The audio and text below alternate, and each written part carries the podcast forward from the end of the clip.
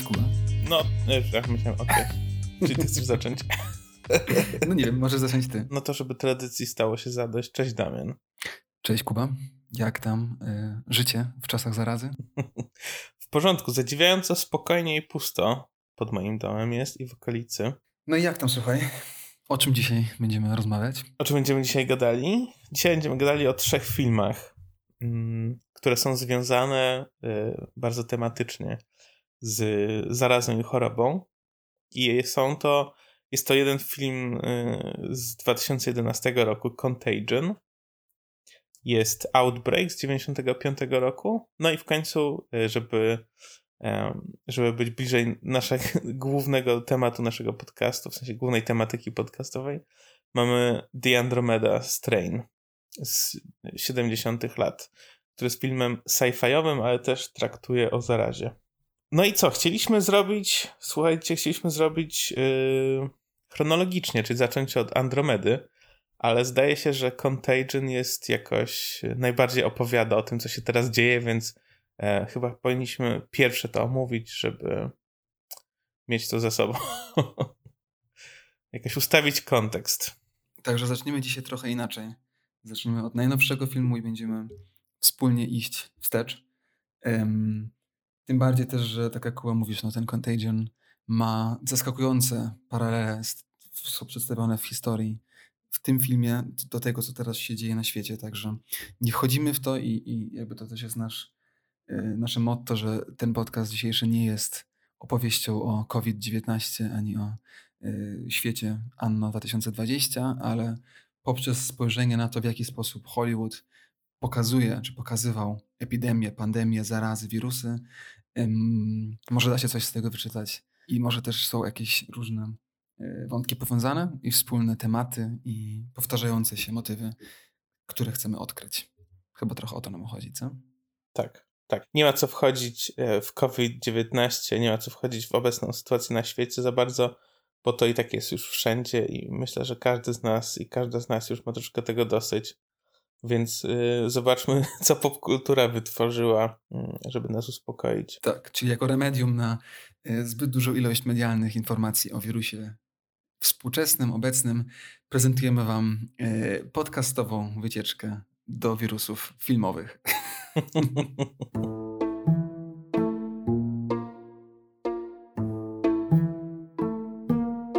to zaczynamy od Contagion.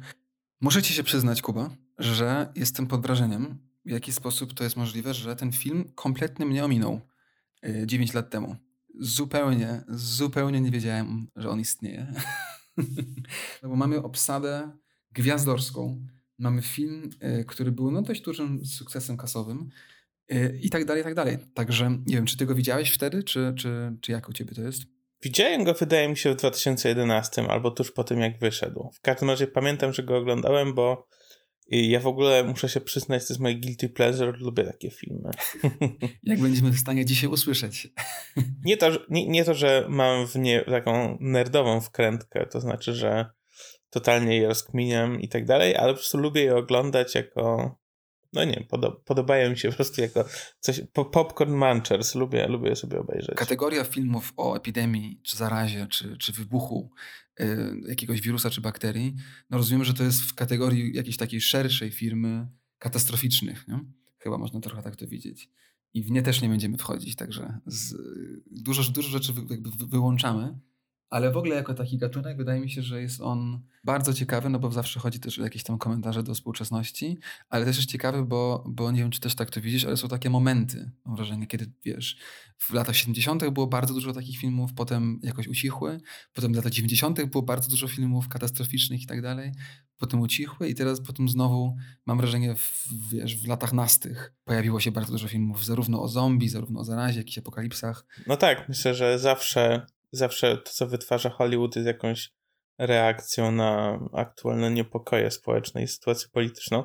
Ale jeszcze chciałem jedną rzecz powiedzieć a propos tego, ty, tych zombiaków, co wspomniałeś.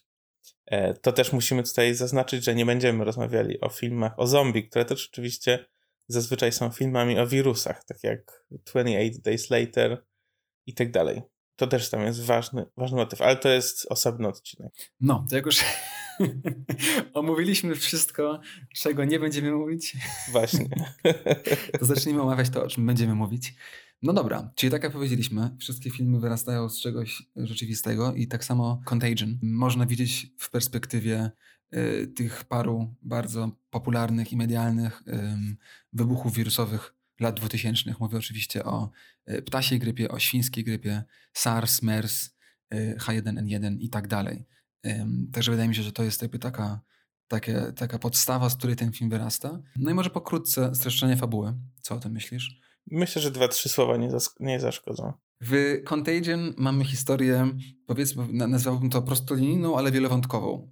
Pokrótce chodzi o to, opowiedziana historia jest taka, że Amerykanka grana przez Gwyneth Paltrow jedzie do Hongkongu, leci do Hongkongu na spotkanie biznesowe i tam na początku jeszcze niejasnych nam widzach, widzom y, okolicznościach y, łapie wirusa.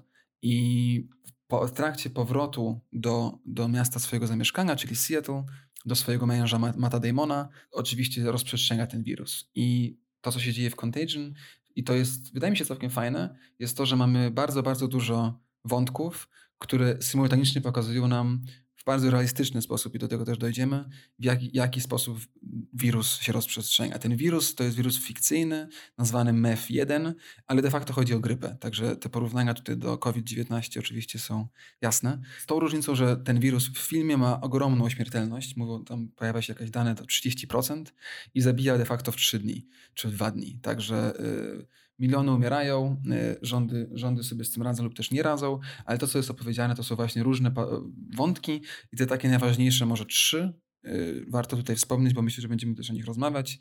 To właśnie po pierwsze jest y, pacjent zero, czyli index patient, czyli Gwyneth Paltrow i, i jakby jej rola w tym wszystkim. Ona dość szybko umiera, ale jej mąż okazuje się być odporny na ten wirus, no i potem wokół nich jest cała historia. W tym samym czasie mamy też opowiedzianą historię z perspektywy szefa CDC, czyli tej organizacji rządowej w Stanach, która zajmuje się wirusami, granego przez Lorenza Fishborna, e, naszego kochanego, i jego asystentkę Kate Winslet, która próbuje e, niejako walczyć z wirusem na, na e, liniach frontu. Trzecim wątkiem jest historia pracowniczki WHO, Międzynarodowej Światowej Organizacji Zdrowia, granej przez Marion Cotillard, która Y, robi badania nad tym wirusem w Chinach.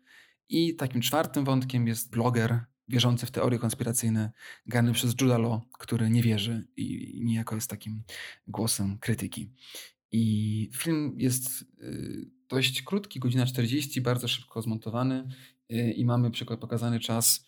Z tego co pamiętam, całość filmu dzieje się na przestrzeni stu kilkudziesięciu dni. Od początku wirusa, wybuchu pandemii do panowania poprzez wynalezienie szczepionki. Czy coś, coś pominąłem ważnego? Czy coś pominąłeś ważnego? Wydaje mi się, że nie. Poza tym, że jakoś nie, w ogóle nie, nie słyszałem, żebyś o wątku azjatycko-chińskim wspomniał. Który mi się wydaje ciekawy w kontekście tego, co się dzieje. Tak, y, to celowo. ja od niego zaczął, ugryzł to od razu. Dobra, to zacznij Kuba i zobaczymy co powiesz i co ja na to powiem. No to jest jakiś taki, mi się wydaje, trop kulturowy w tym momencie, że po prostu jeśli jakaś epidemia się gdzieś zaczyna, to zaczyna się ona w Chinach i zaczyna się ona dlatego, że albo jedzą coś dziwnego, albo są niehigieniczni, albo nie potrafią odpowiednio zadbać o to, żeby to się nie stało. Tak czy inaczej jest taki wątek mocno mm, fobiczny. Tak, tak, tak. I on jest, to jest wątek, który się przewija i w tym, i w Outbreak, ale też w innych filmach. No i oczywiście przebija się e, nieustannie w, media, medialnym e, świecie e, naszym dzisiejszym koronawirusowym, w którym te Chiny i cała ta Azja jako jakiś taki orientalistyczny twór no są zesencjalizowane do właśnie tych paru elementów, które nazwałeś. Nie wiem na ile chcemy rzeczywiście w to wchodzić, bo, bo nie jest to też tematem naszego odcinku, ale rzeczywiście to, jest, to nie jest nic nowego. Ja szczerze mówiąc jestem ciekaw, co ty, co ty ze swoim backgroundem naukowym byś na to powiedział.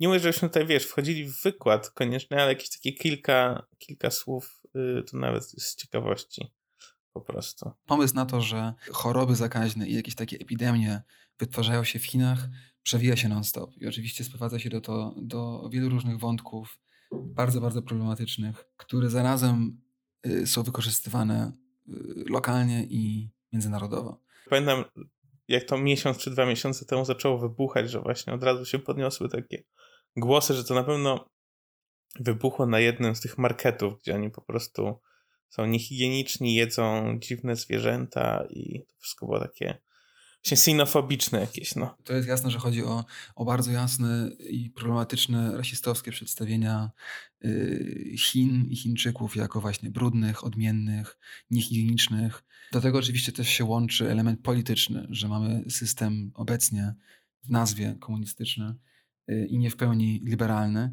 który y, no zawsze, jeżeli można go atakować, to jest atakowany. Y, często też słusznie, ale to nie, nie, o to teraz chodzi. No i oczywiście jest też element trzeci, czyli tak zwany chory człowiek Azji, czyli ten pomysł XIX-wieczny, wytworzony w trakcie wojen opiumowych przez mocarstwa zachodnie, no to żeby usprawiedliwić ekstrahowania dóbr z Chin i wyniszczania społeczeństwa chińskiego dla zysku Anglii, Francji Niemiec i paru innych krajów. Upraszczając, chodzi po prostu o to, że został wytworzony pewnego rodzaju taki topos kulturowy, o tym, że ten Chińczyk, przysłowiowy Chińczyk tutaj jest właśnie tym, któremu trzeba, po, którego trzeba, po, któremu trzeba pomóc, którego, e, który jest brudny, który jest niehigieniczny.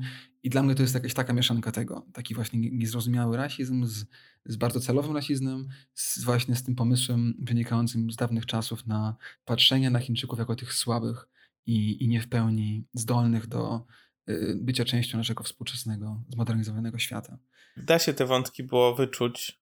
Może one nie były aż tak mocno w tym filmie pokazane, ale jako właśnie były tak przemycone jako coś normalnego, dlatego tak mnie to uderzyło. E, że w ogóle to nie było sproblematyzowane ani nic.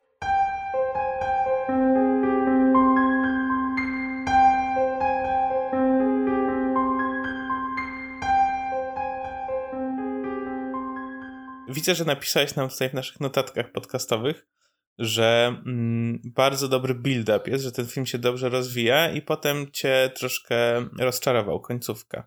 Tak. tak bym powiedział. A ty jak? jak? Jak on się tobie podobał w ogóle? A co masz na myśli przez całą końcówkę? E, to, że, to, że ten wątek, bo tam jest du, du, dużo wątków. No jest wątek z Dudem Law, e, który gra bardzo ciekawą postać tutaj trochę antycypującą wszystkich antywakserów i świrów internetowych. No faktycznie ten film się tak troszkę rozwiązuje szybko, ale nie wiem, czy to jest koniecznie rozczarowujące, że to tak pozostawia cię bez jakiegoś takiego poczucia spełnienia y, filmowego. Nie masz katarzis? Nie, to nawet nie o to chodzi, ale po części, ale dla mnie to było takie coś, że on mi się bardzo podobał, właśnie mniej więcej pierwsze pół godziny. E, no właśnie dlatego, że był, e, no jest, jest, bardzo szybki, ma bardzo szybki montaż, e, bardzo wiele rzeczy jest niepowiedzianych wprost. Jest kilkanaście takich całych sekwencji, w których różne postaci rozmawiają ze sobą, analizują ten wirus, jeżdżą i w ogóle nie słyszymy dialogów. To wszystko są takie jakby pocztówki nie? wrzucone, że jakby widzimy, że coś się rozwija, ale jakby jesteśmy poza tym. I to jest, jakby to można bardzo fajnie przeciwstawić innym sekwencjom, w których mamy no de facto wykłady naukowe, takie wiesz, no jak, jak, jak na Hollywood rzecz jasna, ale mamy no bardzo rzetelną naukową pracę wytłumaczenia widzom, jak działa wirus, o co chodzi w tych wszystkich słowach wokół pandemii i tak dalej. To mi się podobało. E, podobało mi się też, był taki moment rozpadu społeczeństwa, zamieszek, jakichś takich różnych napięć społecznych. To było fajne i dla mnie to był ten moment, że że to była stracona szansa, bo miałem nadzieję, że to będzie szło w tym kierunku, że jakby ten film był, wiesz, no ten wirus w tym filmie był tak radykalny, y, tam było ile, 2,5 miliona Amerykanów, a chyba na całym świecie kilkadziesiąt milionów ludzi y, umarło. Y, no de facto tak jak wiesz, grypa hiszpanka podczas pierwszej, pod koniec pierwszej wojny światowej. Trochę miałem nadzieję, że wiesz, to będzie taka historia, że jakby on pójdzie w kierunku alternatywnej przyszłości, nie? że nam pokaże co powstanie ze zgliszczy, czyli jakby jak społeczeństwo się skończy, no coś takiego. A trochę było tak, że się skończyło happy endem, wynaleziona szczepionka, mnóstwo wątków zostało w ogóle nieporuszonych, yy, czy niezamkniętych. Miałem takie wrażenie chaosu. Tak jakby początek był dla mnie bardzo pod kontrolą, a końcówka była totalnie chaotyczna. No. I to mnie jakoś tak yy, zawiodło. No w gruncie rzeczy, no to nie był, to myślę, że od początku nie miał być film rewolucyjny, tylko raczej film zachowujący status quo i uspokajający nas, że jednak nawet jeśli dojdzie do takiego hardkorowego rozklekotania społeczeństwa, to mimo wszystko są jakieś służby i są jakieś mechanizmy, które prędzej czy później opanują całą sytuację. No właśnie, dlatego się zawiodłem. Okej. Okay. Są różne, są różne szkoły teraz się pokazują, przy covid też. Tak, nagle, nagle wszystkie ukryte y, opinie polityczne wychodzą na jaw. No dobra, ale powiedz Kuba, z kolei ja cię zapytam, jak ty ten film, jeśli chodzi właśnie o ten montaż i coś, czego jeszcze nie poruszyliśmy, czyli właśnie ten, no taki jakbym, jak to można nazwać, taki paradokumentalny wręcz sposób opowiedzenia historii. Co o tym myślisz? No wydaje mi się, że, znaczy dla mnie to działało, bo ten film dawał ci takie poczucie, że faktycznie te wydarzenia bardzo szybko następowały, jakieś takie dawał ci poczucie, że ta epidemia się rozprzestrzenia i że trudno jest na nią zapanować tak od strony formalnej, jeśli mówimy o tym montażu i tak dalej. W ogóle zadziwiło mnie, że ten wątek cały Kate Winslet tak szybko się rozwiązuje, że ona umiera tak szybko. Jakoś pamiętam, zapadło mi to w pamięci, że to jednak pod koniec filmu było i to było bardziej dramatyczne, ale jednak nie. To był w ogóle ciekawy wątek. Jakoś mi się podobał ten story arc, chociaż tak jak mówię, był mało rozwinięty. I w ogóle były takie wątki pourywane, tak jak mówisz, faktycznie jakieś takie poczucie może chaosu i też naćkania tych wątków. Może troszkę było ich za dużo. No ale z drugiej strony to wiesz, tak jak zaproponowałeś, są to raczej takie pocztówki, urywki, faktycznie zapiski z jakiejś zarazy, a nie jakaś y, koherentna narracja na ten temat, która by śledziła jednego bohatera. I to też jest ciekawe. No wydaje mi się, że rzeczywiście można to trochę widzieć, może wręcz jako taką, wiesz, miniserię, e, miniserial w, w filmie, nie? że mamy te, te, wątki są jednak tak różne, no niektóre działają, niektóre nie działają i tak jak mówisz, ten wątek Kate Winslet moim zdaniem był, był mocny, ten wątek um, Lorenza Fishborna też był ciekawy. Mattem Damonem ok, ale na przykład dla mnie wątek Marion Cotillard, która zostaje porwana dla szantażu przez chińską wioskę, dla mnie to było słabe. No tak, jest trochę urwany, bo ona tak naprawdę w połowie filmu zostaje uprowadzona i potem dopiero pod koniec się pojawia z powrotem, więc w ogóle nam znika z radaru. Bo rozumiem, że twoje zarzut jest taki, że on nie działa ze względu na to, o czym mówiliśmy na samym początku, czyli jakiś taki sinofobię, czy jakiś rasizm. Tak, znaczy on, on na początku bardzo byłem, on mnie zaskoczył, bo myślałem, że to będzie taka klasyczna opowieść o tym, że jak to zawsze, złe Chiny blokują rozwój. Y, w momencie, gdy ona zostaje porwana, ja się spodziewałem, że zostanie, nie wiem, y, deportowana albo zaaresztowana i to będzie taka opowieść o tym, jak to złe Chiny zablokowały rozwój szczepionki. Jak się okazało, że zostaje porwana przez tego swojego kolegę y, z, z biura, czy tam z laboratorium, czy jak to nazwać, w celu wymuszenia na międzynarodowych organizacjach, żeby przekazali transze szczepionek dla tej chińskiej wioski, z której pochodzi tenże kolega, no to dla mnie to w ogóle przestało mieć sens, bo nagle z czegoś, co myślałem, że będzie takim klasycznym hollywoodzkim rasizmem antychińskim, nagle zrobił się jakiś taki wątek no nie wiem jak to nazwać, jakiegoś takiego, wiesz, dzikiego wschodu, jakieś takie Shaolin, że, że ten tutaj cowboy nagle stawia się przeciwko całemu światu, światu i potem jak ten, ten cały wątek zostaje rozwiązany właśnie, tak jak mówisz, dość późno pod koniec filmu, to jest jeszcze cały element syndromu sztokholmskiego, że ta Marion Cotillard jakoś tam poczuwa się, że, no nie wiem, to, jakieś to było dla mnie, trochę nie pasowało do całej reszty i było dość płytkie, no. No to nie był, to nie był najmocniejszy wątek. Ale to by się podobał Jude Law, powiedz. Ja mam słabość do Jude Law, bardzo go lubię. E, szczególnie, że teraz oglądamy, e, skończyliśmy oglądać Young Pope'a, młodego papieża i przechodzimy do nowego papieża, więc Jude Law jest w centrum na razie mojej serialowo-filmowej uwagi. E, ale on mi się wydaje grał ciekawą postać. W sumie taką, no, nie wiem, bo, bo dla mnie, nie wiem, czy, on, czy można ją jasno potępić, czy, czy właśnie nie. Chyba można, nie? Chyba jednak można. Chyba można. Ale z drugiej, z drugiej strony, no to tak, jakieś takie, moim, tak jak mówię, moim zdaniem troszkę antycypuje tych wszystkich, te wszystkie osoby, które y, wylazły spod kamienia dwa lata temu jakoś tak i zaczęły mówić, że szczepionki są złe i że trzeba być teraz takim ludytą na, medycznym. No on, wiesz, no on mi się najbardziej oczywiście skojarzył z Alexem Jonesem. Nie wizualnie. Tak, spiskowe teorie. Spiskowe teorie to jedno, ale też to, że przecież Alex Jones de facto zarabiał pieniądze na swoich spiskowych teoriach, tak samo jak postać Judelona tutaj w tym filmie, tak? Że Alex Jones mówił, szczepionki są złe i tak dalej, ale suplementy produkowane przeze mnie i sprzedawane na mojej stronie są bardzo dobre. I, i cały ten wątek Judelo w tym filmie, nie wiem, mi się jakoś tak, wiesz, mocno skojarzył, że on też przecież mówi, ten wirus jest zły, szczepionka jest zła, ale kupujcie ten jeden lek homeopatyczny Forsythia, yy, bo on działa i sam przecież nawet Jude Law wytwarza jakoś taką całą videoblog, w którym rzekomo jest chory i potem się leczy, to się potem okazuje jedną wielką ściemą. E, no i się okazuje, że on po prostu na tym, na tym, na tym leku zarobił 4,5 miliony tak. E, dolarów i jakoś mi się to skojarzyło. Teraz mi się wydaje, w Stanach też jest jakiś taki A propos jeszcze połączeń z COVID-em też jakiś wymyślili lek alternatywny. No to jeszcze ci powiem jeszcze jedno, jedno, jeszcze jedno połączenie w takim razie chińsko-covidowe. No. Fragmenty z filmu Contagion, w których właśnie Jude Law zostaje zdemaskowany, były całkiem popularne w chińskim internecie i zostały niejako odkryte na nowo, czy jakby cytowane przez, przez netizenów, przez obywateli internetowych jako forma krytyki rządowej kampanii, która trwa od mniej więcej dwóch tygodni, y, promującej tradycyjną chińską medycynę jako walkę z koronawirusem. No dobra, to co? Jakieś podsumowanie? Ja bym mu dał takie 6 na 10.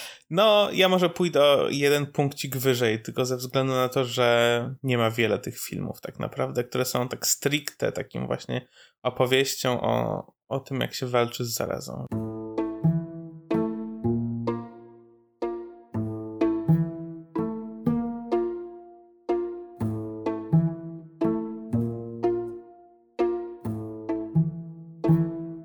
Dobra, to co, mieliśmy film bardziej naukowy i bardziej opowiadający o zarazie jakiejś pocztówki, to teraz przejdźmy do 95 roku, do filmu Outbreak z Dustinem Hoffmanem mhm.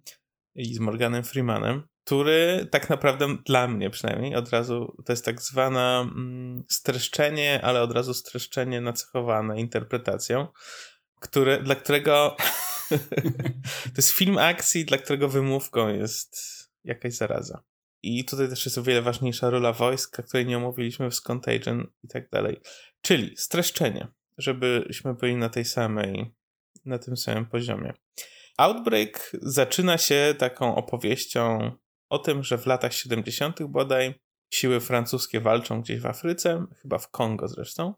W Zairze ówczesnym walczą siły francuskie i ewidentnie na coś chorują i przylatuje helikopter, gdzie pojawia się dwóch naukowców chyba amerykańskich, tak amerykańskich, którzy chodzą, patrzą, obserwują y, tych ludzi, którzy są chorzy i mówią, że wrócą z pomocą czy z czymkolwiek i następna scena jest taka, że zrzucają bombę na ten szpital wojskowy, żeby jak się domyślamy zdławić tą chorobę. No i to jest taki wątek konspiracyjny, bo Morgan Freeman wraz z innym generałem czy majorem, jakiekolwiek są te rangi wojskowe, mm, całą tę sprawę zamiatają pod dywan.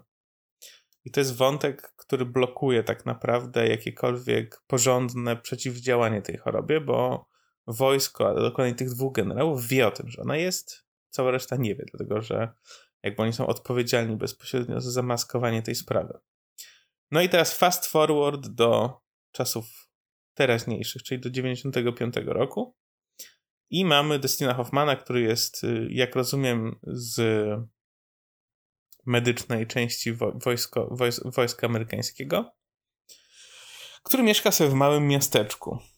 I do tego małego miasteczka trafia na statku małpka z Afryki, która jest zarażona tymże wirusem, który powiedzmy miałby odpowiadać eboli, czyli to jest taka gorączka krwotoczna. E, no i ze względu na to, że ta małpka trafia do, do tego miasteczka, wybucha w nim epidemia.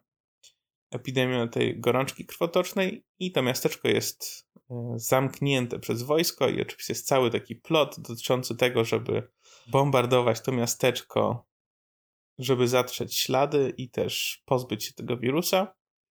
No ale dzięki działaniu Morgana Freemana i Dustina Hoffmana udaje się zatrzymać eksplodowanie tej bomby którą wysłał zły generał samolotem i Dustin Hoffman ratuje dzień i jest koniec filmu. Czy jakieś ważne wątki pominąłem? Nie, no myślę, że powiedziałeś wszystko, co jest najważniejsze. Nie wiem, czy to ominąłeś, dlatego że. Y, ominąłeś, ale jeszcze jakby, nie wiem, na ile to jest ważne dla opowieści, ale tych dwóch generałów, którzy zrzucili bombę na Zaire na samym początku filmu, no to byli oczywiście Morgan Freeman i, i Donald Sutherland. A, tak. Ojejku, zapomniałem, że tam Donald Sutherland gra, którego też uwielbiam ci dwaj, którzy potem przez cały film są przedstawieni jako próbujący ukryć informacje o wirusie, no to są też ci, którzy go odkryli. Także to jest jakby ta, połączenie jest jeszcze bardziej jakoś tam osobiste. Hmm. E, no i co, Kuba? Ty mówiłeś mi, że ten film bardzo lubiłeś jako dziecko. Czy jak? No, dziecko, w sensie pamiętam go, mam z nim dobre wspomnienia znowuż, bo to jest my guilty pleasure, filmy plagowe. I myślę, że to jest, no, okej okay film akcji. W tym sensie, że jest spoko. Nie, nie, jakoś nie czułem, żeby się bardzo zestarzał. Poza tym, że oczywiście no, mamy Kevina Spacey'ego, który teraz troszkę taintuje te wszystkie filmy. No ale tak jak mówię, to dla mnie trochę mnie rozczarowuje w kontekście Contagion, bo oglądałem ten film w sumie tuż po Contagion, jeden po drugim, że on, no tak jak na początku powiedziałem, jest o wiele mniej tam zeksplorowana walka z plagą, a o wiele bardziej jest to film akcji, gdzie po prostu się ścigamy z wojskiem, tam są jakieś wybuchy, jakiś plot, jakaś, jakiś spisek, żeby, mm, żeby ukryć coś. W sensie, że, że wirus jest raczej wymówką niż głównym tematem. Tak, tak, tak. No tak jak, tak jak zawsze z takimi filmami wydaje mi się, że istotne jest w jakim kontekście i z jakimi oczekiwaniami się je ogląda. Ja spodziewałem się też po tym plakacie i jakoś, no nie wiem, miałem wyobrażenie, że to będzie film dużo bardziej low-key, spokojny i właśnie taki rzeczowy o, o wirusie. W związku z tym, jak go oglądaliśmy do połowy, było takie, ok, jest naprawdę ciekawe i tutaj znowu, wiesz, szacun, bo też wszyscy jakby równie mówią, że sekwencje rozprzestrzeniania się wirusa. To z tą małpą, potem ten jeden chłopak, który idzie do kina, kaszle, wirusy, wiesz, przy, przy, no jakby generalnie to, jak było zilustrowane rozprzestrzenianie się takiego wirusa, podobno jest bardzo realistyczne i, i, i to było fajne. No ale właśnie od połowy filmu, w którym nagle Dustin Hoffman y, no po prostu staje się, wiesz, jak z szklanej pułapki, y, porywa helikopter wojskowy i przez 40 minut lata tym helikopterem od stanu do stanu, wiesz, razem z tym jak ląduje na, czy wyskakuje z helikoptera na łódź na Atlantyku, potem wraca, no w sensie dla mnie to był taki po prostu czysto 90 film akcji i tego się w ogóle nie spodziewałem, także dla nas był raczej dużym, wiesz, no jakby negatywnym zaskoczeniem, bo no nie wiem, jakby dla mnie ten początek był tak nabudowany właśnie rzetelnie i powoli i cała ta akcja z tą, z tą małpą, potem te, te, te, laboratorium, to było jakieś takie wszystkie, wiesz, fajne i, i, i przerażające, no plus oczywiście element, który ja na przykład bardzo lubię, czyli takie filmy, w których mamy oblężenie miasteczka czy, czy jakiegoś regionu. I to tutaj mi się bardzo podobało, że właśnie jest to zamknięte miasto, które jakby staje się światem w miniaturze. Tak, tak. No. Z rzeczy, które się już tutaj pojawiały w podcaście, w sumie w zerowym odcinku, to ten wątek małego miasteczka amerykańskiego to jest w ogóle myślę, oso- temat na osobny y, podcast. Ale z, z, filmów, które się pojawiały, to oczywiście bardzo podobna sytuacja w Super 8, nie? Też mamy wojsko, które tak naprawdę przejmuje kontrolę nad małym miasteczkiem w Stanach spokojnym. Tak. No i oczywiście też w większości filmów zombie tak. jakoś tam to się przewija, tak? Czy to jest centrum handlowe, czy coś. No, to było fajne. No ale dla mnie ten, no muszę ci szczerze przyznać, że dla mnie ten właśnie cały, cała, ta, powiedzmy drugi, drugi, druga część, drugi akt, jakby od momentu, kiedy to się staje rzeczywiście filmem akcji, no dla mnie to było dość nużące, no, powiem ci szczerze. Mhm. W sensie są filmy, które dla mnie fajnie działają, właśnie na przykład jak Die Hard, pierwszy czy drugi, wiesz, Szklana Pułapka. Czy w ogóle takie, no, jest parę filmów z lat 90., które lubię, takie właśnie dlatego, że są takimi, no powiedzmy wprost, no, głupimi filmami akcji. No? Mhm. I, I jakoś to się może sprowadza też do nostalgii. Znowu nasz tutaj, wiesz, temat główny. Tego filmu nie widziałem jako dziecko. Ja go widziałem pierwszy raz w zeszłym tygodniu, także dlatego to było dla mnie takie raczej, wiesz, Dustin Hoffman ratuje świat i to tak jeszcze najbardziej sztampowo. Ale i tak, wydaje mi się, że w kontekście właśnie tego, co robimy, tego, tego przeglądu filmów epi o epidemiach i wirusach, yy, no jest on ciekawy i jest coś dość różny od Contagion. Eee, chcesz, żebyśmy tutaj zrobili analizę porównawczą? Nie, nie, może nie wiesz, nie jedno do jednego, ale jakby, bo jest, dla mnie jest jeden wątek bardzo ważny, który się tutaj pojawia, którego w Contagion nie ma. I to jest mianowicie, tak jak powiedziałeś, ten element wojska. Mhm. I ten mhm. element, że w Outbreak jest to bardzo jasno od początku powiedziane, że ta outbreakowa ebola y, zostaje zmilitaryzowana, zostaje wytworzona, armia amerykańska chce mieć ją jako, chce być jedynym jednostką, która ma przeciwciała, żeby móc używać jej jako broń. E, I to mi się wydaje całkiem ciekawe. To jest ciekawe, bo mi się wydaje, że coraz mniej jest filmów tak naprawdę krytycznie nastawionych do armii w Stanach. Taką bym postawił tezę.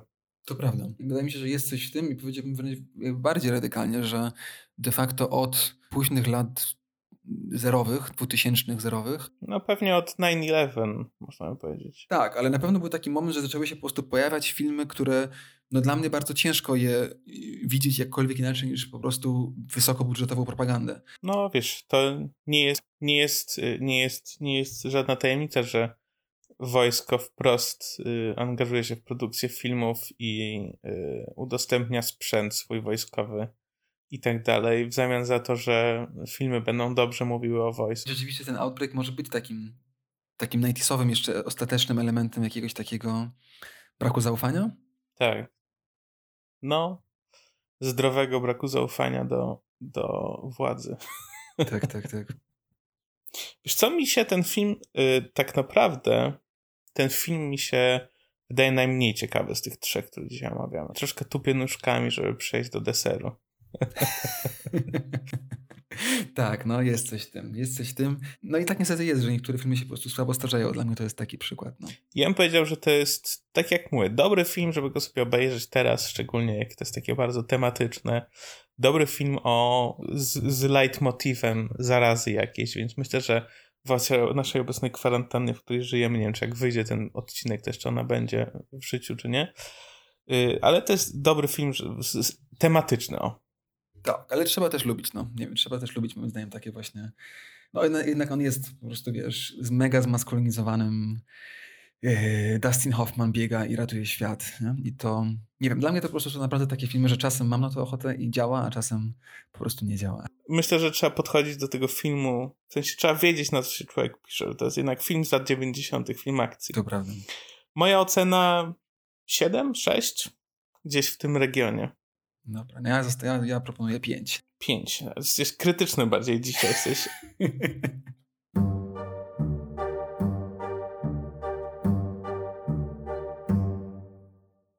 Andromeda, wisienka na torcie podcastowa nasza dzisiejsza.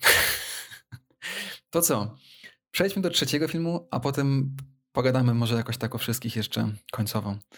Tajemnica Andromedy, The Andromeda Strain z 1971 roku. I, I na samym początku tutaj może trzeba powiedzieć, że on się różni znacząco od tych dwóch pozostałych filmów, tak jak na początku Kuba już powiedział, tym, że y, no jest dużo bardziej sci-fiowy, ponieważ mamy do czynienia z zarazą z kosmosu. Teraz oczywiście nie wiem, czy to była bakteria, czy wirus. Się wydaje, że to była jakaś taka forma życia w ogóle, nie oparta na węglu, tylko na krzemie i w związku z tym ona jakoś tam wchodziła w reakcję z ludźmi. To co? Może szybkie, szybkie streszczenie fabuły? No, dawaj. Ja go widziałem ze dwa tygodnie temu, także nie wiem, czy wszystko będę pamiętał. Słuchaj, razem będziemy, razem, razem na pewno, we, dwóch będziemy pamiętali 100% filmu. Tak by wychodziło. No dobra. Mamy film, w którym znowu mamy do czynienia z oddzieloną od świata e, wioską, małym miasteczkiem, na które to miasteczko spada satelita amerykańska, e, armii amerykańskiej. I w momencie, gdy dwóch naukowców czy współpracowników zostaje wysłanych, żeby e, tę satelitę wziąć z powrotem do, do, do bazy, okazuje się, że całe miasteczko wyginęło. Ludzie leżą na ulicy martwi i tych dwóch naukowców, żołnierzy wysłanych też umiera. I od tego zaczyna się jakby ca cała opowieść, w której wraz z grupą naukowców wybranych przez doktora Jeremy'ego Stone'a dowiadujemy się, że powodyrem tej masowej śmierci jest właśnie ta forma życia, która zostaje znaleziona na obłoce tej satelity. Ta grupa naukowców zostaje zebrana, żeby zbadać tą sytuację i zostaje wysłana do tego małego miasteczka, gdzie znajdują dwójkę osób, które przetrwały. Jest to małe dziecko i starzec. No i zabierają tę sondę i tych ocalałych dwóch, dwóch członków, członków społeczności miejskiej małej do bazy, która specjalnie została przygotowana właśnie, żeby radzić sobie z zagrożeniami jakimiś biologicznymi. I jest y, potem bardzo długa sekwencja, jak oni przechodzą przez różne kolejne etapy zabezpieczeń y, bakteriologicznych, dekontaminacji i też y, właśnie, no tak, zabezpieczeń, że, które przeciwdziałają wydostawaniu się tych wszystkich wirusów i tak dalej z tej bazy. No i jak dochodzą do ostatniego poziomu, to tak naprawdę przez zupełnie jakiś dziwny przypadek zostaje przerwana ich łączność z powierzchnią tak zwaną i są de facto całkowicie odizolowani od świata zewnętrznego e, i zaczynają badania nad tymi obiektami i ludźmi, których sprowadzili na dół. I celem badań oczywiście jest dowiedzieć się, co, co spowodowało ich śmierć i dowiedzieć się, dlaczego ta dwójka ludzi nie umarła. Koniec końców dowiadujemy się właśnie, że jest to forma pozaziemska, bezwęglowa, która w jakiś taki bardzo sprytny sposób łączy się z komórkami krwi i powoduje zamianę krwi w bardzo sypki pył. Andromeda łączy się z krwią, tak jak mówisz, i ta krew zamienia się w pył. Natomiast szybko okazuje się, że musi być do tego, muszą być do tego odpowiednie warunki spełnione i ona może tylko robić w odpowiednim zakresie pH. Więc nie może być albo nie może być zbyt, zbyt kwasowa, albo zbyt zasadowa ta krew. I w zbyt właśnie, jeśli warunki nie są idealne, to ta, ta Andromeda się nie rozprzestrzenia. E, natomiast wychodzi na jaw, że Andromeda bardzo lubi e, gumę, sztuczną gumę i plastik jeść i szybko zaczyna de dekontaminować tą całą, e, tą całą bazę tajną naukową, która od samego początku filmu jest nam powtarzane, tak żebyśmy na pewno pamiętali, ma failsafe wbudowany, mianowicie w przypadku jakiejkolwiek dekontaminacji E, ma, mają naukowcy, dokładnie jedna osoba jest przeznaczona do tego, ma 10 minut na to, żeby przekręcić kluczyk, bo jeśli tego nie zrobi, to wszystko wybuchnie. Zostaje zdetonowana bomba atomowa, żeby na pewno żaden wirus się stamtąd nie wydostał. No i jak rozumiemy, yy, dochodzi do tego, że dochodzi do dekontaminacji, bo Andromeda zaczyna zjadać yy, gumę i tak dalej, więc ten system komputerowy, który nad wszystkim czuwa, uznaje, że czas jest wysadzić się w powietrze. E, no i jeden z naukowców bardzo dramatycznie próbuje przekręcić ten kluczyk. A zostaje wybrany do tego z powodu tego, że jest e, bezdzietny, bezżonny e, i podejmie na pewno właściwą decyzję.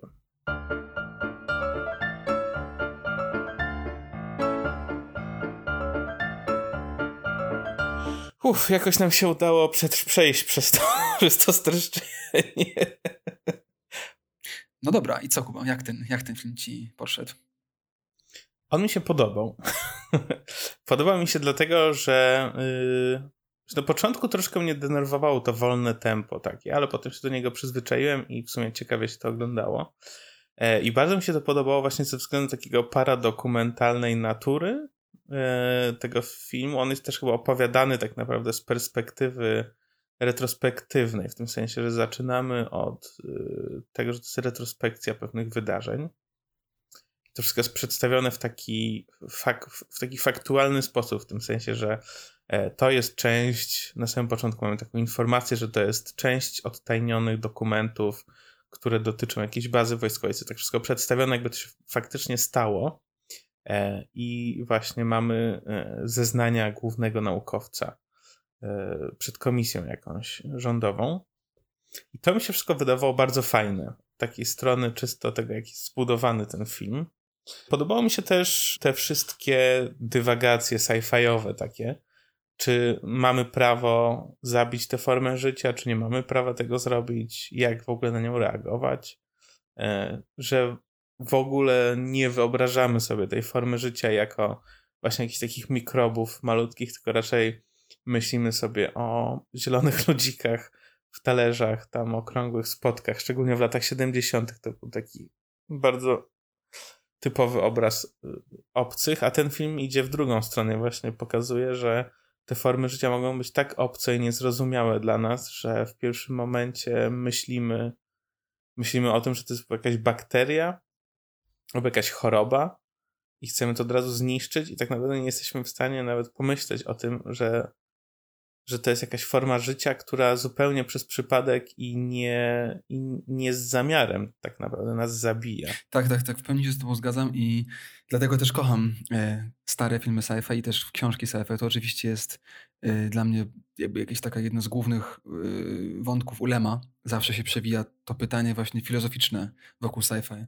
Gdzie nasza, gdzie nasza rola, gdzie człowiek, gdzie wszechświat. Ten film przyniósł na myśl nie jedną z książek Lema i y, też innych filmów, które traktują obce formy życia no, na równi y, z naszym i, i zadały to pytanie niewygodne, ale które się przewija bardzo długo w tym filmie. Czy, czy należy, czy można, czy wolno, czy powinniśmy zniszczyć Andromedę i co by to znaczyło. bardzo mi się też podobał, tak jak mówisz Kuba, y, ten element opowieści. To jest coś, co tutaj non-stop mi się przewija wydaje mi się bardzo ważne i do czego może jeszcze wrócimy pod koniec, mianowicie ten element właśnie paradokumentalny i dlaczego te filmy o epidemiach są takie y, dość często. Tutaj to było w ogóle dość ekstremalne, no bo mamy oprócz tego, jak powiedziałeś, y, wstępnej, oprócz tej wstępnej informacji i, i tego framingu, że to się wszystko dzieje w trakcie opowieści, w trakcie zeznań głównego lekarza przed komisją jakąś kongresową czy senacką, to jeszcze jest ten montaż, nie wiem czy pamiętasz, dość nowatorski i, ja się w ogóle nie spodziewałem. Ten montaż jakby wyciętych fragmentów filmu no niejako tak, że przypomina, wiesz, taki, taki kontakt sheet, nie? albo jakoś taki portfolio z gazety różnych właśnie ujęć ludzi, którzy pomierali od, te, od, tej, od tego wirusa yy, i też tych yy, potem w laboratorium. No takie to wszystko przypomina, przypomina na myśl, przywodzi na myśl yy, film paradokumentalny. I to mi się bardzo podobało. Tak, tak. A jeszcze jedna rzecz, której nie wspomnieliśmy, a która w sumie jest, przynajmniej z mojej perspektywy ciekawa, to że y, ten film jest na podstawie książki, której autorem jest y, Michael Crichton. No, twój ukochany twórca y, Jurassic Park. Tak, myślę, że na przykład na setny odcinek, jeśli kiedykolwiek będzie, możemy zrobić Michael Crichton Special, w którym omówimy wszystkie filmy na podstawie Michaela Crichtona powieści. No innym elementem jeszcze, który, którego nie omówiliśmy przy okazji jest to, że jest to jeden z nielicznych filmów i yy, może w ogóle jeden z ostatnich, bo potem od tego mam wrażenie w ogóle się odeszło, w których naukowcy są w roli głównej, a nie naukowcy, którzy stają się superherosami, jak na przykład mieliśmy do czynienia w Outbreak, albo naukowcy, którzy są politykami, jak mamy w Contagion. Tylko tutaj w Andromeda Strain mamy po prostu grupę naukowców zamkniętych w laboratorium, którzy dyskutują non-stop yy, o naukowych yy, sprawach i wydaje mi się, że jedynym filmem, który mi się przywodzi, który jest podobny, to jest The, The Arrival. O, ja uwielbiam Arrival. Bardzo mi się podobał. Tak, to jest bardzo ciekawe, że te filmy dla nerdów bardzo rzadko mają nerdów jako główne postaci. Że jest taki maskulinistyczny sen o tym, wojskowych i tak dalej. Tak. No a propos, a propos maskulinistycznego snu, jak rozmawialiśmy przedtem, wspomniałeś, że bardzo ci się też pozytywnie zaskoczyła rola y, kobiety naukowca w Andromeda Strain. Tak. Y, w ogóle nie spodziewałem się, że będzie taka naukowczyni, która w dodatku była taką ciekawą postacią, bo nie wiem, czy tak też się wydawało, ale nie wiem. Może, może pewnie można jakoś tam, wiesz, skrytykować, że ona była yy, jakoś taka zbyt szorstka albo coś, że też jest jakiś trop takiej kobiety, która jeśli już nie jest matką albo kimś, to musi być taka, wiesz, zgryźliwa i coś tam. No ale tak czy inaczej, nie wiem, jakoś mi się ta postać podobała, chociaż pewnie można mieć zastrzeżenia, tak jak mówię. Y, I też zaskoczyło mnie, że wiesz, no, koniec końców film z lat 70., y, a, a może dopiero potem nastąpiło takie, wiesz, konserwatywne przełączenie. Nie wiem. W każdym razie wydawało mi się to bardzo ciekawa postać. Tak, to jest ciekawe jeszcze z dwóch innych powodów. Po pierwsze, dlatego, że wyczytałem, że w książce ta postać była też mężczyzną i ona została zmieniona mm -hmm. na rolę kobiecą. No, widzisz, to jest tak zwane political correctness. No i jeszcze jest tak, że reżyser filmu, o którym oczywiście nie mogę nie wspomnieć, czyli Robert Wise, e, którego może pamiętacie z, z moich rekomendacji e, w poprzednim odcinku, ponieważ jest to reżyser też tego filmu e, The Day Earth Stood Still, ale też West Side Story, The Sound of Music i oczywiście Star Trek The Motion Picture. No jak rozumiem, był jakimś takim po prostu hardkorowym, konserwatywnym, średnio miłym yy, kolesiem. Także to też ciekawe, jak to wszystko czasem się dzieje. Słuchaj. Słucham. Dla mnie istotny ten film jeszcze jest z innego powodu. I ty to chyba wiesz, ale może słuchacze nie wiedzą. Ja bardzo lubię stare filmy.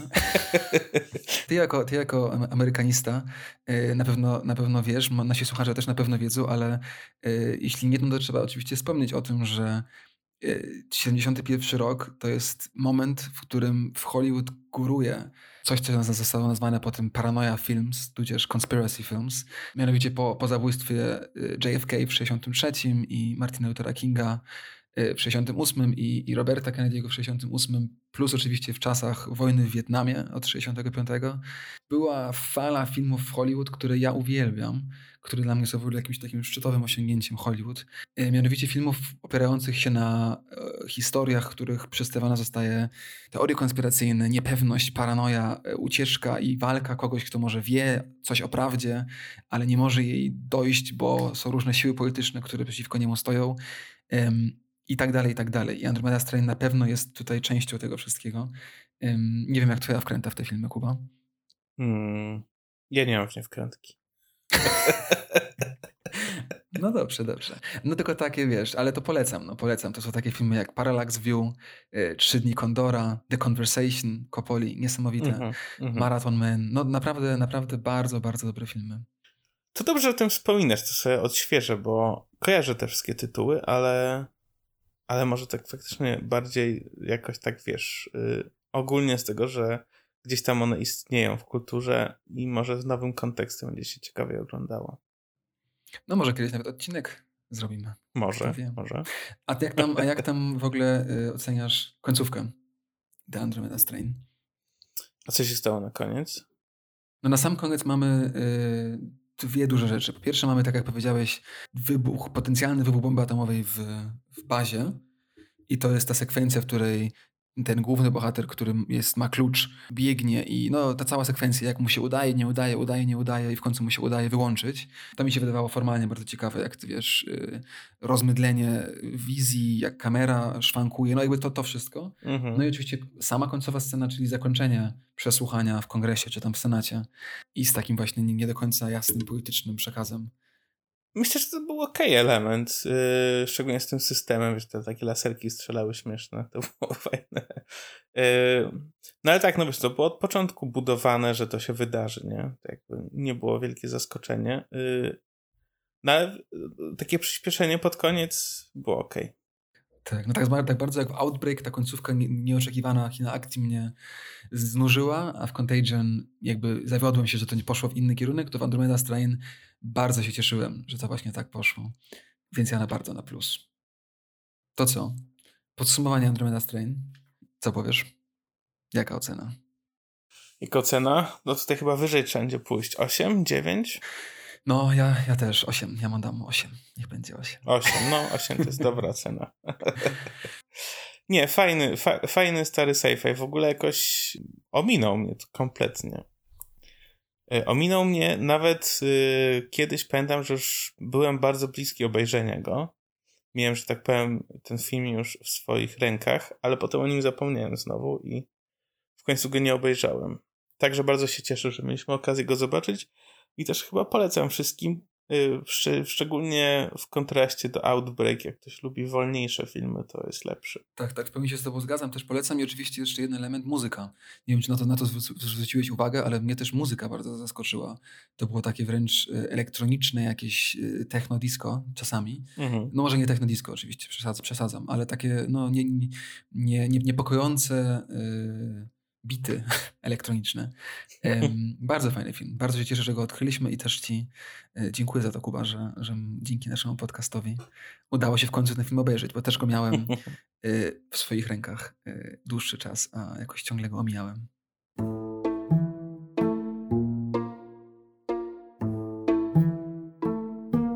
No dobra, Kuba, słuchaj, omówiliśmy te trzy filmy i, i trochę innych też filmów wpadło, także pomyślałem sobie, że może zanim przejdziemy do rekomendacji i do zakończenia, jeszcze warto byłoby jakoś tak rzucić okiem całościowo na te, na te trzy filmy i w ogóle na, na sposoby przedstawiania epidemii, pandemii i zagrożenia wirusowego y, w filmach. I mhm. można by zacząć od jakiegoś takiego wyciągnięcia najbardziej często powtarzających się wątków. Co o tym myślisz? No dobra. To ja, ja zacznę od tego, co już powiedziałem, czyli ten element paradokumentalny. To jest coś, co mnie zaskoczyło. I, i nie, nie do końca jeszcze mam odpowiedź, dlaczego akurat właśnie filmy o, o epidemiach i wirusach mają taki, taki, taką formę narracji, narratywną. Takie najbardziej, prosta, najbardziej prosta odpowiedź oczywiście byłaby, że, no, że dlatego, że to jest coś, co znamy z życia i, i może też wiesz, że jak masz film o inwazji alienów czy zombie, no to ten element strachu jest pokazany wizualnie, no bo są potwory, czy zombie, czy alieny, to w tych filmach z epidemią, no jedyne co jest wizualne, to są umierający ludzie na choroby, ale może właśnie, żeby spotęgować jeszcze bardziej ten strach u widza, yy, zostaje sięgnięty do tego pomysłu jakiegoś takiego paradokumentalnego. Yy, ale nie wiem, to jest taki tylko mój pomysł. Nie wiem, co o tym myślisz. Właśnie ja ci powiem szczerze, że poza tym Andromeda Strain to w tych filmach nie widziałem tego elementu paradokumentalnego. Mhm. Nie bardzo. Mhm. Nie bardzo. nie, w Outbreak na pewno go nie ma się wydaje. Tak? No dla mnie to są takie, wiesz, jak pojawia się na ekranie nagle day one, day two, w Outbreak kolei pojawiają się, wiesz, godziny, tak, lokacje, mm. że okay, nagle jesteśmy takie, tutaj tego dnia. W takim tak. sensie, tak, no nie no, w takim sensie to faktycznie te elementy istnieją. Myślę, że one są, wiesz, myślę, że one są po to właśnie, żeby bardziej zlegitymizować te filmy, można by tak powiedzieć. No nie wiem, taki faktualny wymiar im nadać, nie? Że, że, że, że jakoś one są naukowo jakieś tam. Takie, jakieś takie poczucie bezpieczeństwa, może nie wiem. No i co jeszcze? Myślę, że, że pojawiły się wątki dwa, co najmniej, które jeszcze są wspólne dla tych filmów. To jest tak jak mówisz, to takie małe zamknięte światy albo małe amerykańskie miasteczko. To raz. I dwa, no też y, wojsko. Mhm. Tu myślę, że ciekawie można by porównać, bo w Andromedzie masz wojsko, które zleca naukowcom badanie tego. W Contagion masz wojsko, które jest dominującą siłą i tak naprawdę jedyną, prawie że. No i w trzecim filmie masz to wojsko, które już jest no, gdzieś tam w tle pokazane raczej jako ta siła, która pomaga, a nie jest zagrożeniem albo tak, tak, tak. No w Andromeda Strain właśnie pod koniec jeszcze jest ten element podczas tej komisji senackiej, że jest nie tylko wojsko, ale też po prostu rząd de facto, który... Tak, czy da się to... On, czekaj, czy oni tam rozmawiają o tym, czy da się to jakoś zmilitaryzować, coś takiego? Tak, tak, tak, tak. I to się kończy takim niejasnym, niejasnym, niejasną dyskusją, w której ten senator czy kongresmen, który zadaje pytania y, doktorowi Stonowi, y, pyta go, czy podobny wirus może się pojawić w przyszłości i co wtedy zrobimy. I na to wtedy jest, wiesz, muzyczka i y, przybliżenie kamery na doktora Stona, który mówi, no właśnie, co wtedy zrobimy. I koniec filmu. No widzisz, i to jest bardzo ciekawe, że jest ta y, niejednoznaczność, bo z jednej strony masz rząd i wojsko, które mimo wszystko potrafią skontejnować to, tą zarazę, a z drugiej strony jednak są jakąś siłą, której nie wolno do końca ufać. Tak, tak, tak. No właśnie, no tak, zgadzam się z tobą. Um, no może tak jeszcze dwa, czy jakiś jeden jeszcze wątek, no to jest ten wątek, który może nie do końca jest tylko i wyłącznie dla filmów y, epidemiologicznych, no ale to taki pomysł, że jest jakiś taki normals, zwykły człowiek, który nagle staje się superbohaterem w kontekście zagrożenia. Y, I to jest coś, co moim zdaniem we wszystkich się pojawia. I w Andromeda Strain mamy tego, tego naukowca, który pod koniec ratuje y, całą sytuację, bo udaje mu się przeżyć, pomimo tego, że lasery na niego strzelają, ludzie od niego odchodzą, wszyscy od niego uciekają, a on w końcu, wiesz, ostatnim spazmem dłoni przekręca klucz. W Outbreak, no nie ma co mówić, Dustin Hoffman po prostu jest super, super herosem 90 y, W Contagion może to jest bardziej rozmyte, ale też moim zdaniem jest ten motyw właśnie poświęcenia się zwykłych ludzi dla dobra ogółu. Mhm. Tak, mi się wydaje, że w sumie najciekawszy z tych wątków, chociaż on się pojawia tylko w Contagion tak naprawdę, mm, no to jest jednak to takie, wiesz, Orient kontra Zachód i Europa i Stany kontra, tak jak mówiłeś, te takie regiony świata, nazwijmy je w cudzysłowie brudne, z których te zarazy wychodzą i atakują nas. Tak. No to też oczywiście jest nasza, nasza tutaj niezamierzona wina, no bo oczywiście też tylko oglądamy te filmy hollywoodzkie. W sensie jest mnóstwo filmów japońskich, koreańskich tak, z, tak, tak, tak, z, ostatnich lat, które są, mają podobne tematy właśnie y, o epidemiach i pandemiach. Ale tak, no na pewno są to filmy te trzy, które mówiliśmy bardzo eurocentryczne, czy amerykańskocentryczne, zachodniocentryczne y, i ta, to zagrożenie jest y, z zewnątrz i, i ja bym argumentował, że ta Andromeda Strain wcale się nie różni. Tylko, że to tam, tam to, że ta zaraza pojawia się z kosmosu, dla mnie nie ma tak naprawdę żadnego znaczenia, jest żadnej różnicy w tym nie ma. Czy to jest z kosmosu, czy to jest z Chin, bo zawsze chodzi o tego, tego innego. Mhm. O, to, o to wytworzenie zagrożenia z zewnątrz, że nagle coś się pojawia, czy to jest z brudnej Azji, czy to jest z niejasnego kosmosu, tak, ale tak. jest to zagrożenie z zewnątrz, które, które y, no, jest jakimś takim wyzwaniem dla systemu polityczno-społecznego i, i trzeba stawić mu czoło. To może ostatnie pytanie jeszcze. Dlaczego lubimy oglądać takie filmy? Dlaczego lubimy my jako ty i ja, czy my jako społeczeństwo? My jako społeczeństwo. No, takie może trzy, trzy krótkie odpowiedzi bym dał. No po pierwsze, wydaje mi się najważniejsza, taka najprostsza jest taka, że i tak samo w ogóle jest z horrorami i z filmami o strachu, zagrożenia, no że wiadomo, że jak się obejrzy film, w którym coś się dzieje, czego się boimy i, i kończy się to wszystko dobrze, no to też nam jest może lepiej, nie? że oglądamy takie filmy właśnie o pandemii w czasach COVID-19 i w jakiś tam sposób może uspokajamy się i myślimy, ok, będzie dobrze. I Contagion i Outbreak są y, najbardziej popularnymi filmami na wszystkich platformach streamingowych od kilku tygodni. Także to, to chyba na to wskazuje. Ale to mi się wydaje może trochę zbyt proste. No ja, ja, dla mnie zawsze ciekawe są jakieś takie, wiesz, elementy ym, głębsze. I, I mi się wydaje, że zaraza oczywiście nie jest zarazą tylko e, jakąś metaforą kryzysu, metaforą może kary, metaforą nadchodzącego końca, czy, czy jakąś taką eksploracją, czy próbą eksploracji może alternatywnych dróg. Także coś takiego dla mnie osobiście byłoby najciekawsze tak, w tych filmach. Także to było fajne. Cieszę się, że te trzy filmy obejrzałem, no bo pozwoliło właśnie spojrzeć na to jakoś głębiej, także nawet w takich filmach jak Outbreak czy Contagion, ale no w ogóle też w Andromeda Strain ta zaraza nagle staje się czymś głębszym i, i no i fajna jest całkiem taka zabawa właśnie interpretacyjna.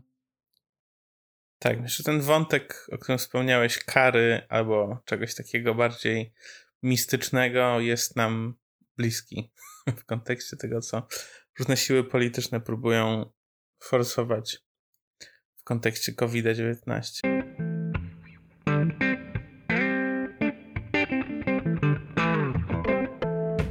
Kończymy. Kończymy. Kończymy temat rekomendacjami. Jak tam? Klasycznie zaczynamy od ciebie, Kuba. Co dzisiaj zarekomendujesz? Dzisiaj cię zaskoczę, bo zawsze jestem nieprzygotowany do rekomendacji. Ja dzisiaj mam, dzisiaj mam rekomendację gotową. I yy, będzie powiedzmy, jeśli yy, dzisiaj omawialiśmy film o zarazie, czyli Contagion, Outbreak i Andromeda Strain, to ja zaproponuję Extended Universe yy, i zaproponuję, żebyście sobie obejrzeli Cabin Fever w reżyserii Ilaja Rota który zresztą potem gra w Inglorious Bastards i też reżyseruje potem Hostel. Mhm. Co to, to jest film, czy... Y, Cabin Fever, tak, to jest film, mhm. jesteśmy w świecie horrorów. E, jest to film o grupie, no nie nastolatków już, ale młodzieży uniwersyteckiej, koleżowej, która jedzie do, e, do chatki w lesie, do kabiny tak zwanej, do chalet. E, która jedzie do, mm, do chatki w lesie i tam, e, no już nie będę spoilował, ale coś się z nimi dzieje, jak to w horrorach. Czyli mamy bardzo stary trop, e, młodzież, młodzież zamknięta w jakimś tym, właśnie w cabin in the woods. Nice. Fajnie. No ja dzisiaj się z kolei też cię zaskoczę, bo się biję z myślami, bo mam dwie alternatywne rekomendacje. Jedna epidemiologiczna związana z epidemią, a jedna nie. Bo też przyznam, że trochę mam dość e, tematu e, wokół epidemii w związku z tym wszystkim, co się dzieje, ale może zostańmy przy temacie w takim razie. Ja zarekomenduję komiks, tudzież e, powieść graficzną, graphic novel, autorstwa Charlesa Burnsa pod tytułem Black Hole. Nie wiem, czy kojarzysz ją? Nie, nie słyszałem. To, była, to jest opowieść wydana jako, jako całość, w sensie 12-odcinkowy komiks, który też potem został wydany jako, jako jedna książka, dlatego powieść graficzna, e, pisany w latach 95-2005, czyli na przestrzeni 10 lat właśnie przez e, Charlesa Burnsa. I, i on jest moim, moją rekomendacją dzisiaj, dlatego że jest to opowieść, oprócz tego, że jest bardzo dobry, ładnie narysowanym i formalnie bardzo ciekawym komiksem, jest to opowieść o zarazie, która e, rozprzestrzenia się wśród nastolatków w latach 70. w Stanach. I ta zaraza w tym komiksie e, przybiera potem różne formy, e, też nie chcę spoilerować, ale powiedzmy alienowo przerażające. Ale to, co jest to ciekawe, jest to, że ten, ten, ta opowieść jest no, w bardzo jasny sposób pewnego rodzaju metaforą HIV i, i AIDS i rozprzestrzeniania się tej zarazy właśnie i takiej stygmatyzacji ludzi chorych. I to jest coś, co zarówno w tych trzech dzisiejszych filmach się przewija i też się oczywiście przewija w naszym świecie, mianowicie no ten problem, że, że nagle osoby różne, o różnym kolorze skóry, czy wyglądzie, czy zachowaniu zostają stygmatyzowane jako potencjalne chore. I to wydaje mi się w Black Hole jest bardzo, bardzo fajnie opowiedziane. Okej, okay, będę musiał sobie obczaić. No dobra, Kuba, to co? Dzięki za dzisiaj. I do usłyszenia za miesiąc. No, albo może wcześniej. Albo może wcześniej.